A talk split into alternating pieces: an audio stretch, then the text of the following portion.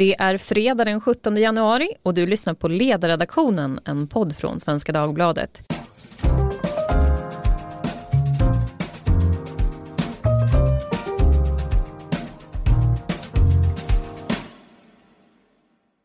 Jag heter Lydia Wåhlsten och idag ska vi prata om skolan. I en debattartikel i Expressen har nämligen Miljöpartiet gått ut med ett antal förslag på hur de vill förbättra skolan. Det handlar om språkröret Per Bolund och den skolpolitiska talespersonen Annika Hirvonen Falk som vill se lite olika saker. De vill att kommunen ska få ett större ansvar för att segregationen inte blir så stor i skolorna i kommunen. Är det här ett bra förslag? Och hur ska man se på frågan om segregation i skolan egentligen? Det ska vi prata om idag. Men innan vi drar igång så ska vi ägna oss åt lite självsmek. Idag passerar podden nämligen en miljon i lyssningar och det ska vi fira här på redaktionen med lite tårta. En miljon, eh, tänker ni, vad är det för någonting? Eh, det kanske inte säger så mycket. Omsatt då kan man säga att vi har 35 000 lyssningar i veckan och det gör att vi ligger på listan över de mest lyssnade poddarna i poddindex i Sverige. Ja, jag tror att det är de, bland de 100 eh, mest lyssnade. Så jag vill bara säga stort tack till alla er som lyssnar på det här. Det är väldigt kul att kunna göra den här podden varje dag och jag hoppas att det märks att vi tycker att det är kul också. För egen del så tycker jag att det är som absolut bäst när vi lyckas få hit oväntade experter och kombinera det med moraliskt drivna människor för att belysa frågor som ligger sådär lite lagom vid sidan av den politiska debatten. Och jag tänker kanske framförallt på den här podden som vi gjorde om unga och hur skötsamma unga har blivit. Det tycker jag är en sån riktigt bra podd. Men vi vill såklart höra vad era favoriter har varit så här långt. Och då får ni gärna mejla oss på ledarsidan svd.se och berätta det. Och om ni vill ge oss en liten present här så får ni gärna gå in på iTunes och recensera oss. Och skälet till det är att det är många fler som hittar hit på det sättet. Idag har vi 273 betyg och har vi över 300 betyg ikväll då tänker i alla fall jag korka upp en flaska rödtjut. Så med det sagt så ska vi introducera dagens panel mitt emot mig så sitter Johan Olsson, skolpolitisk expert på Svenskt Näringsliv. Välkommen! Tack så mycket! Med mig har jag också Jesper Sandström, vikarierande ledarskribent här på sidan. Välkommen! Hej hej, tack! Hej! Hur har veckan varit Jesper? Alldeles, alldeles underbar, som vanligt här på Svenskan. Ja, du har fått skriva mycket huvudledare, så ja, det är ju kul. det är trevligt. Med mig på länk har jag också Isak Coopersmith som doktorerar i nationalekonomi på Handelshögskolan i Stockholm och har varit med i den här podden några gånger tidigare. Hallå! Tack så mycket, kul att vara med. Min första fråga låter så här. Miljöpartiet föreslår två saker i sin artikel. Dels att alla kommuner borde få i uppgift att säkerställa en bra blandning av elever med olika bakgrund i klassrummen. Och dels att förändra närhetsprincipen. Samhället måste kunna ta fler hänsyn än vilket barn som bor närmast en skola. Innan min eh, fråga kommer här Johan, kan inte du beskriva vad är närhetsprincipen för någonting? Det handlar ju om eh, hur eh, urvalet till skolor ser ut och vart eleverna ska, ska gå i skolan. Och principen är ju då i skolan, eller grundskolan, att eleverna ska ha så pass nära hemmet som det går för att underlätta både för eleverna själva och eh, allt i det eh, vardagslivet som, som föräldrarna har. Just det. Och nu vill Miljöpartiet då att kommunerna ska kunna ta andra hänsyn och min fråga är, är det här en bra sak Jesper? Nej, det, det, tror jag inte att det är. Jag tror att det är en klassisk vänsterlösning där man försöker lösa upplevda problem och upplevd ojämlikhet i samhället genom att helt enkelt göra det lika dåligt för alla berörda och det, det tror jag inte är ett bra sätt att ta sig an något problem. Mm. Isak Coopersmith, vad säger du för någonting när du läser den här artikeln? Ja, Eh, de tar upp är ju ett riktigt problem, skolsegregationen och liksom de ojämlika resultaten som är mellan olika skolor. Sen är de ju inte jättedetaljerade i vad de eh, föreslår. Som ofta när politiker säger saker så ska man ta krafttag för att säkerställa grejer och man ska delegera, liksom, ja, kommunerna ska få uppgifter att se till och så vidare. Men de går ju inte in så mycket på, på vad man faktiskt kan göra för att åtgärda det här utan de verkar vara mer inriktade på att man bara ska gå in och peta i det här och ge kommunerna mer makt. Mm. Johan, vad säger du, du som arbetar med det här dagligdags? Ja, jag håller med. Det är lite svårt att veta vad det är de egentligen vill. Eh, det låter väldigt mycket mer social ingenjörskonst än vad Miljöpartiet eh, brukar driva. Och jag tolkar det inte som ett lottningsförslag utan snarare som att någon gubbe eller gumma i ett kommunhus ska placera ut elever eh, utifrån en särskild form av kvot för att få en så bra blandning som möjligt. Och det är väl bra att skolor är blandade men segregationen är ju långt ifrån det största problemet skolan har utan eh, både kunskapsresultaten, att de är för låga och eh, likvärdigheten, att alla elever ska ha möjlighet till en bra skolgång är ju eh, väsentligt viktigare än segregationen. Mm. Jag tror att många där skulle likställa då segregation med likvärdighet. Vad är egentligen skillnaden? Ja, det är ju, likvärdigheten handlar ju om att alla barn i Sverige och alla elever i svenska skolan ska få så bra förutsättningar att utvecklas så långt det bara går. Det är ju avgörande, både för, för deras egen framtid och möjlighet att skapa sig ett bra liv och också såklart för eh, svenskt välstånd i framtiden, att de kan skaffa sig bra jobb och, eh, och utvecklas eh, i arbetslivet. Medan segregationen handlar ju mer om sorteringen av eh, människor och det säger ju ingenting om eh, egentligen kunskapsresultaten eller om, om, eh, om att man har samma chans. Men det viktiga är att, såklart att alla skolor ska eh, fungerar väl och att kunskapsuppdraget är det viktigaste. Just det. Och eh, du sa att det här känns lite mer social ingenjörskonst än vad som vanligtvis ses från Miljöpartiet. Och då tänkte jag att du kunde få beskriva lite liksom generellt, vad är Miljöpartiets skolpolitik? Ja, den är ju nog lite olika. De är ju ett parti som brinner väldigt mycket för skolan och kanske framförallt då eh, tidigare med det tidigare språkröret Gustav Fridolin. Men hittills har det ju präglats av mycket stor liksom, decentralisering och att eh, som övrigt i, när Miljöpartiet är som bäst i att låta besluten ligga så nära de människor som det berör som möjligt, så har man ju också det präglat eh, skolpolitiken och eh, värnat eh, till viss mån i alla fall nya idéer, små aktörer och liksom en, en utveckling av, av skolan som, eh, som har varit eh, eh, bitvis rätt lätt att tycka om. Mm. Ja, det, det, får man ju säga för att eh, trots allt tokigt Miljöpartiet ägnar sig åt så har de ju ofta i många fall varit en motvikt mot det här det allra mest betongsossiga, den här viljan att eh, i detalj kontrollera människors liv och val. För de har ändå visat en lite större tillit till att människor ska eh, kunna få göra egna val och en, en, tro till att människor faktiskt kan göra goda val. Det, det är ju väldigt synd om de ska börja över överge det nu för, för då, då har de ju inte mycket till goda sidor kvar.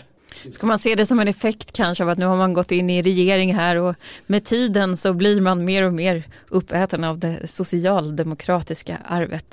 Isak, ja. hur ser du på Miljöpartiets förslag? Ja, det är en ganska konstig omläggning. Om man tittar på vad Miljöpartiet har tyckt tidigare så anledningen till att de varit så positiva till friskolor det är ju inte för att de kanske har trott på liksom, konkurrens på marknadskrafterna utan mer på liksom, en tanke om att ja, men, olika typer av skolor hur, kan passa olika familjer. Och det här är ett väldigt starkt frånsteg från det när man börjar prata om att alla kommuner ska se till att man liksom har rätt sammansättning i alla klasser, det vill säga att alla ska vara likadana. Och då tror man inte längre på att olika typer av pedagogiker eller upplägg kan passa olika. Så det är ju väldigt eh, eh, konstigt faktiskt att de eh, går så långt. Jag såg att eh, den gamla moderata tjänstemannen Fredrik Johansson, han skrev på Twitter så här då, skolval, ja, till den punkt kommunen inte gillar ditt val. Så dagens rubrik på podden ska bli så här då, MP, ditt skolval ska avgöras av kommunen. Är det för hårt tycker ni? Nej men det blir ju konsekvensen någonstans. Och vilket är tråkigt därför att vi behöver ju mer skolval i Sverige än idag. Eh, och det svenska skolvalssystemet och friskolesystemet behöver ju utvecklas och inte begränsas som i, i den här delen. Och det finns ju väsentligt många mer och bättre idéer man skulle kunna föra fram om man hade varit Miljöpartiet i det här fallet, eh, som utvecklar skolvalet och gör eleverna bättre rustade för det. I artikeln så pratar de också lite grann om vinster i välfärden och då säger de att vinst ska inte vara det drivande målet för företagen på den här fronten utan det ska vara då att erbjuda utbildning. Men går det ens att göra den där distinktionen? Nej, det är ju, det är ju dumheter tycker jag i alla fall. Det, alltså, om, om du ska göra vinst långsiktigt så måste du också också bedriva en god verksamhet. Alla långsiktigt framgångsrika företag har ju blivit sådana just för att de faktiskt driver en god verksamhet och erbjuder någonting som kunderna verkligen vill ha. Det, det är klart att det kommer väl alltid finnas liksom fifflare som vill försöka krama ur någon krona här och där men då, då är det dem vi ska bli av med, inte,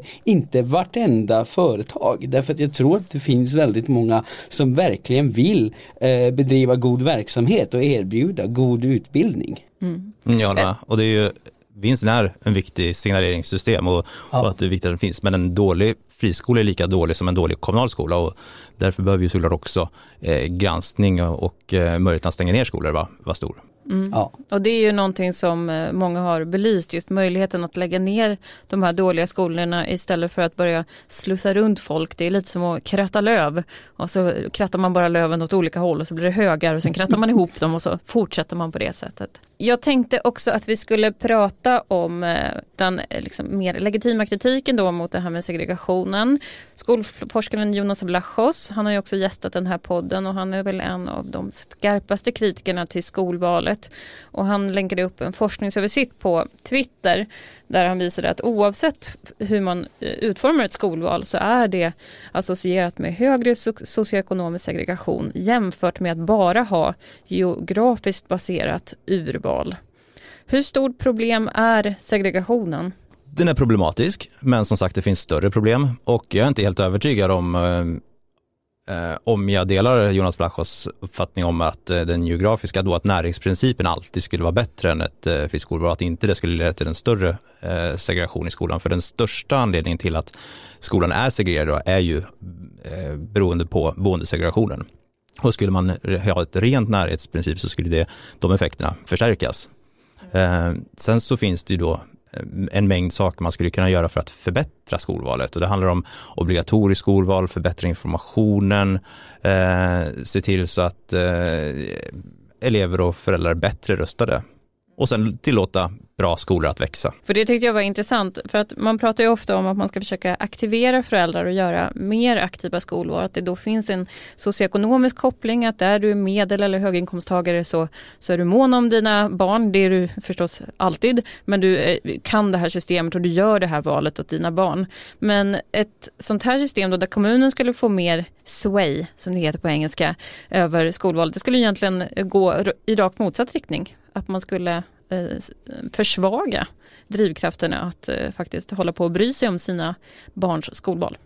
Har jag en poäng Isak? Ja, alltså, det är ju väldigt svårt att se hur det här liksom ska säkerställas. De pratar om att man ska ha någon form av liksom likartad sammansättning eller på något sätt. Man, och det är ju kodord för att man vill liksom ha liksom, folk som, ja, med höginkomsttagare och liksom folk med liksom utländsk bakgrund i, i, i samma klasser. Men det blir otroligt svårt om man ska försöka liksom, på, på, kommunal nivå på 290 olika små kommunkontor runt om i Sverige hålla på och liksom, hitta på system för hur man ska liksom, skyffla runt eleverna. Då har man ju i praktiken helt avskaffat eh, skolvalet.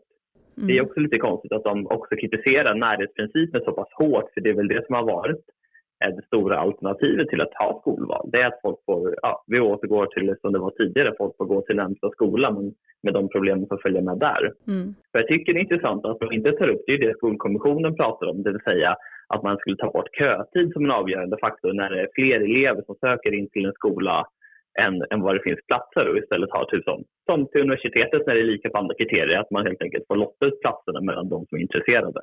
Mm. Och det vet jag att du är för? Ja, eller jag tycker i alla fall att det hade varit bättre ens att eh, det är huruvida en förälder ställde en i kö redan på BB eller inte som avgjorde om man kom in på skolan. Mm. I de fallen, i, i, i de städerna där det finns så många skolor där det faktiskt är fler som söker till skolorna än vad de har platser. Mm. Ett skäl kanske kan vara det som utbildningsminister Gustav Fridolin sa när den här kommissionens förslag om, om lottning presenterades. Då sa han så här, eh, vi måste bryta segregationen men kommissionens förslag om lottning är parlamentariskt dött och kommer inte att införas. Det finns ingen majoritet för det. Det sa han 2017 i Lärarnas tidning. Men det beror ju på att partier som mitt parti, Centerpartiet och andra borgerliga partier liksom har kedjat sig fast vid den här, precis den här modellen man har nu och är, liksom är livrädda för att röra någonting. Så att man är rädd för att då kommer liksom, ja, då riskerar även eh, fria etableringsrätten och så vidare också på sikt. Men jag tror egentligen att det är ju helt tvärtom. Det är att man inte gör någonting som hotar modellen, inte att man låter det vara kvar. För att förtydliga så pratar vi alltså om, det finns en massa populära skolor i Sverige, dit söker sig många elever, det blir kö till dem och istället för att ha en sån här kö så skulle man då lotta ut de, eh, de sista platserna så att säga. Johan, vad tycker Svenskt Näringsliv? Ja, lottning är ju problematiskt eh, och jag tror att man kan göra väldigt många mer saker innan man hamnar där. Eh, sen är kötiden eller möjligheten att sätta sitt barn i kö viktig. Därför att det är egentligen det enda sättet vi har att om man inte har något annat kapital eh, kan man inte köpa en dyr villa i det bra bostadsområdet där den bra skolan ligger eller kan man inte liksom skapa de förutsättningarna som gör att man kommer då nära eh, den skolan man vill gå på. Så är, så är kötid det enda systemet vi har eller den enda valutan i det här skolvalet som vi har där man helt utan då eh, pengar eller annan typ av kapital kan eh, visa vilka preferenser man har och eh, engagera sig i sitt barns skolgång. Johan sa ju tidigare här att man skulle kunna göra skolvalet obligatoriskt för alla. Hur ser du på det där som liberal Jesper? Är det bra att tvinga alla att göra ett aktivt val?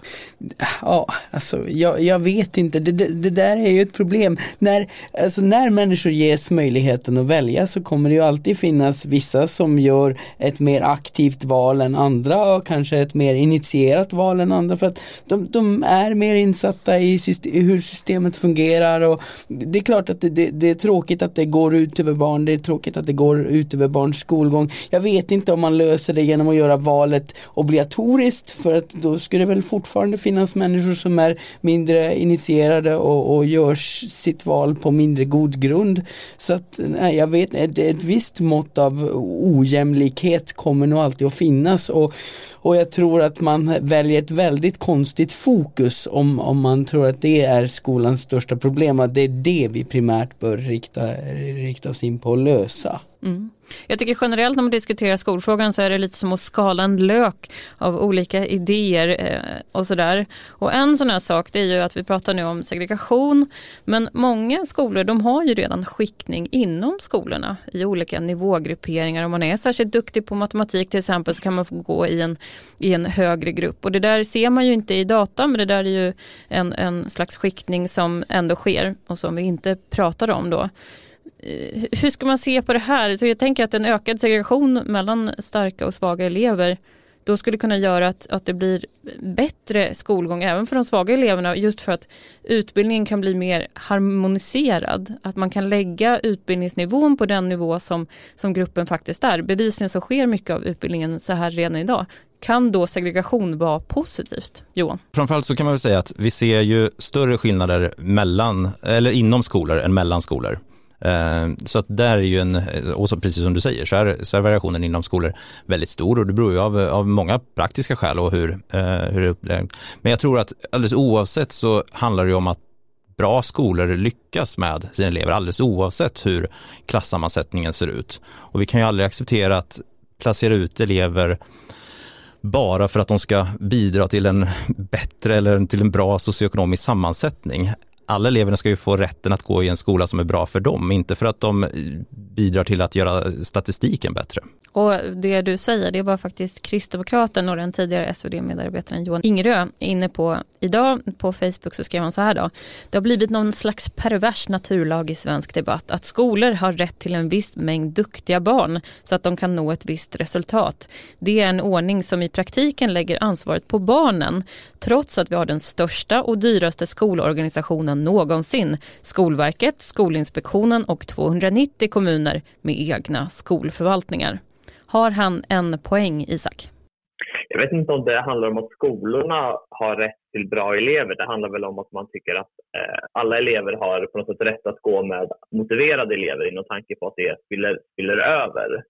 Eh, och Per Bolund skriver i sin artikel just om att han påstår att just det här mötet mellan olika klasser och så vidare är helt avgörande för att alla elever ska ha en bra skolgång och så vidare. Jag är inte säker på att forskningen är så jättetydlig på det, men det verkar ändå vara konsensus i debatten att, att vi vill ha den typen av, av skola. Om vi väljer att bredda perspektivet lite då, Johan, du som följer skolfrågan så dagligdags, vad är det för skolpolitik som den här regeringen bedriver nu? Oj, stor fråga, men eh, det är väl eh Eh, man har ju haft eh, fördelen med att få positiva Eh, resultat i senaste PISA-mätningen, vilket är bra. Samtidigt så har man ju då den stora utmaning som många pekade på också, de eleverna som inte skrev PISA-provet och vi har ju drygt 17 000 elever varje år som inte klarar av grundskolan. Så att det finns ju såklart ett stort eh, en stor uppgift och lite som var inne tidigare så vi lägger väldigt mycket pengar på skola i Sverige. Det är rimligt och bra, men vi kan också förvänta oss mer resultat av de, eh, av de satsningar som görs. Så att det, det handlar väl, sen är man inne i, en, eh, i väldigt många utredningar. Vi väntar på en eh, likvärdighetsutredning från Björn Åstrand sköt. Vi väntar på eh, en planerings och dimensioneringsutredning vad gäller gymnasieskolan som Lars Stjernkvist leder. Så att det är väldigt mycket liksom vänta och se och det kanske inte är på utbildningsdepartementet eller regeringskansliet där som det mesta drivs och vilket det kanske inte heller ska göra för att vi har ju eh, väldigt många, dels 290 kommunala huvudmän plus alla de eh, fristående huvudmännen som då gör ju, ska göra jobbet eh, varje dag. Så att den, den kanske inte är jättetydlig, den eh, regeringens utbildningspolitik för tillfället. Nej. Finns det någonting som eh, den som lyssnar på den här podden kan ta med sig från, från skol, den skolpolitiska agendan? Ja, men lite är väl också, på tal om då, både skolval och friskolesystemet, är att vi har ju valt en, en väldigt svensk modell för eh, friskolor i, i Sverige som både kombinerar valfrihet med jämlikhet. Vi har ett, eh, ett inslag av att man får, får välja skola, eh, men den är eh, offentligt och gemensamt finansierad, vilket är unikt i världen eh, och eh, någonting att, att vara stolt över och, och värna. För alternativen som vi ser till det eh, runt om i hela världen i övrigt är ju ett renodlat privat skolsystem. Och är man bekymrad över segregation så är det är ett system som skulle segregera ännu mera. En sak som vi har pratat här i podden om tidigare det är ju att eh, regeringen eh, inte ser med blida ögon på konventionella friskolor och att det inte ska få nyetablera sig. Och det lustiga där det var ju att Anna Ekström säger att eh, de friskolor vi har idag de ska få vara kvar men några nya blir inte till. Så Det är som att apropå att Sverige har hittat en gyllene medelväg så är det så här just det frusna läget tidigt 2020 det var den optimala nivån av konfessionella friskolor. Ehm, vi kommer behöva börja avsluta, men jag tänkte att vi ändå ska försöka prata lite grann om, eh, vi säger att det här kanske inte är den stora lösningen. Vad är då det? Och finns det någon? Jag tyckte det var intressant nu när PISA-undersökningen eh, kom, då eh, man kunde inte säga så mycket vad det berodde på. Även sist när PISA-resultaten dippade kunde man inte heller säga vad det berodde på. Och det här är ju samma diskussion som vi har med de här skjutningarna och sprängningarna. Vi kan inte säga någonting om någonting. Alla har blivit kunskapsskeptiker. Um, men uh, har ni några sådana här uh, favorittankar om vad det är som ska göra skolan bättre? Johan, jag antar att du har det? Jo, men det är klart, det finns en, en hel del, men ska man vara kortfattad så är ju ledarskapet centralt. Det behöver uh, finnas bättre förutsättningar för att vi ska få fram duktiga skolledare och rektorer. De är avgörande för, för hela, hela skolans verksamhet. Mm. Och vad, vad är det som avgör det då? Dels så behöver, eh, vi pratar väldigt mycket om lärarutbildningen och lärarutbildningens eh, kvalitet eller bristande kvalitet. Jag tror att eh, det är minst lika stora problem med rektorsutbildningen och framförallt ledarskapsbitarna. Just det. Och det där, för den som är intresserad så kan man gå in på Universitetskanslersämbetet hemsida som har gjort en väldigt stor granskning av lärarutbildningar och visar att det är många som är undermåliga. Bland annat så är det så att lärarutbildningen på Mittuniversitetet, där var nästan halva tiden var eh, studier bortom campus och då visade det sig att många av de här lärarstudenterna de jobbade helt enkelt heltid samtidigt som de också pluggade heltid. Och där kan man ju undra om det verkligen går ihop då med att verkligen eh, ta till sig så mycket som möjligt. Och dessutom är ett annat problem då med de här lärarutbildningarna är att eh, det är väldigt sällan som det är lärare med praktisk erfarenhet som undervisar utan det är i grund och botten en akademisk utbildning som kanske inte har så mycket eh, inslag av det man faktiskt kommer att möta då som lärare när man kommer ut i klassrummen.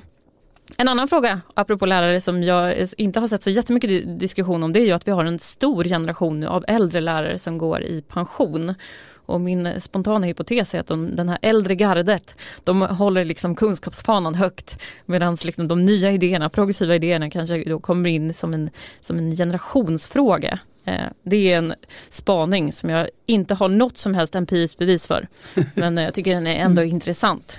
Isak, vad vill du med skolan? Ja, alltså skolan speglar ju samhället i stort och inte tvärtom. Och nu är det så att vi har ju valt att lägga ut skolan på 290 kommuner och sen säga att alla ska få välja vilken skola de ska gå i. Då är det kanske inte jättekonstigt att utfallet i exakt varje skola i hela landet inte är, är likadant. Jag är ju ingen stor förespråkare av förstatligande, men det är klart att eh, in, om inte de nationella politikerna har ansvaret och, utan lägger det på elever, föräldrar och kommunpolitiker så kommer ju utfallet att vara lite olika. Man kan liksom inte ha både total likhet och total valfrihet i, i ett samhälle utan det finns faktiskt en, en konflikt där, däremellan. Och de här liksom luddiga orden vi hör från regeringen och den här debattartikeln är ju väldigt mycket uttryck för att man faktiskt inte vågar sätta ner foten i var man står där och våga säga att här, ja, men vi tycker att det är viktigt med valfrihet, vi tycker att det är viktigt med kommunalt självbestämmande och en konsekvens av det är att det kommer vara lite olika. För sammansättningen i kommunerna är olika och sammansättningen i skolorna är olika.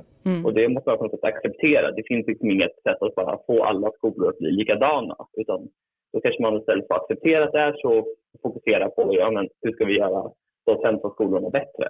Mm, precis, för det är ju det som är själva grejen då att ojämlikhet och segregation är ju egentligen samma begrepp.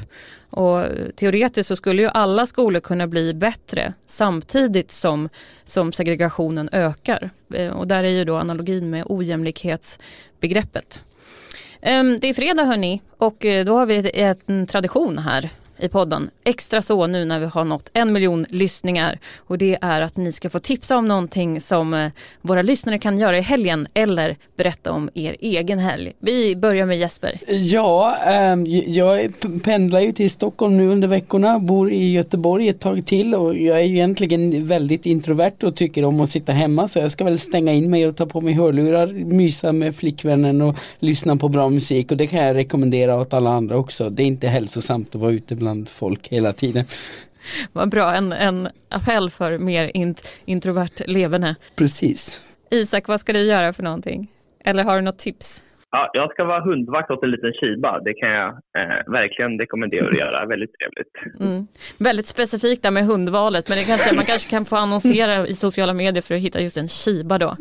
Johan, i och med det får du avsluta och ge våra lyssnare ett riktigt bra tips eller berätta om ditt eget spännande liv? Eh, tipset kan väl i alla fall vara att helgen kan börja med eh, På spåret kväll i kväll. Det är alltid trevligt och vill man festa till det lite så kan man ju ta en skål eller dricka, dricka en klunk öl varje gång eh, som eh, eh, Fredrik Lindström är aningens självgod. Mm, bra tips. Själv så hoppas jag ju att jag ska kunna korka upp den här vinaren som jag pratade om så att våra lyssnare eh, skickar in de här recensionerna för det tycker jag är eh, extra härligt. Och apropå På spåret så får man väl också tipsa om att man måste ha appen om man kollar på På spåret så att man faktiskt kan kolla hur man själv ligger till jämte dessa andra kulturpersonligheter som är där. Och med det så får jag säga stort tack till dagens panel. Johan Olsson, skolpolitisk expert på Svenskt Näringsliv. Jesper Sandström, min vikarierande introverta kollega. Och Isak Cooper-Schmidt, doktorand i nationalekonomi på Handelshögskolan. Hör av er som vanligt på ledarsidan svd.se. Tack för idag.